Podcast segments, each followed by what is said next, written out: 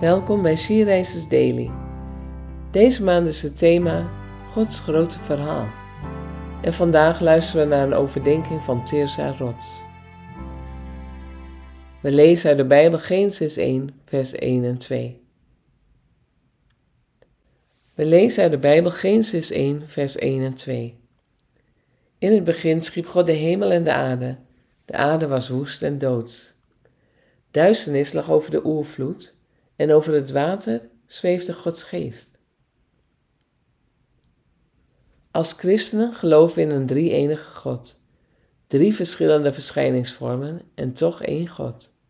Net zoals water water is, maar je dat op verschillende manieren kunt waarnemen, als ijs, vaste stof, als water, vloeibaar en als waterdamp, gas. Als je theewater kookt bijvoorbeeld. God bestaat uit drie personen: Vader, Zoon en Geest. Hoe de drie eenheid precies functioneert blijft een mysterie. God heeft geen begin en geen einde. Hij is er alle eeuwen al geweest. Voor het ontstaan van deze wereld heerst er duisternis. God is de bringer van licht en van leven. Het is uitgesloten dat de wereld ontstaan is door evolutie. Alle dingen zijn door het woord van God gemaakt, lezen we in Johannes 1, vers 1 tot en met 3. Het woord was bij God en het woord was God. Vers 3 onderstreept dat zonder dit woord niets heeft kunnen ontstaan. Het woord verwijst naar Jezus Christus, Gods Zoon.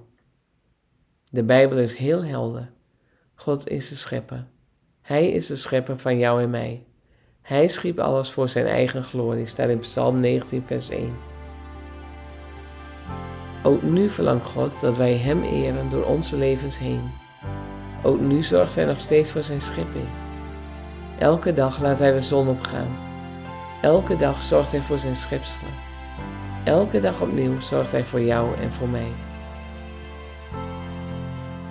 Geloof jij in God als schepper van hemel en aarde? Laten we samen bidden. God, dank u voor uw schepping. Dank u voor het leven. Amen.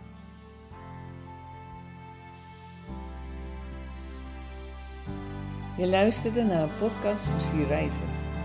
She Rises is een platform dat vrouwen wil aanmoedigen en inspireren om in een christelijke identiteit te staan en van daaruit te delen met de wereld. Wil jij onze missie steunen, dan kan dat door de vindbaarheid van deze dagelijkse podcast te vergroten. Klik op volgen of abonneren op de streamingsdienst waar je deze podcast luistert. Of laat een review achter. Alvast bedankt.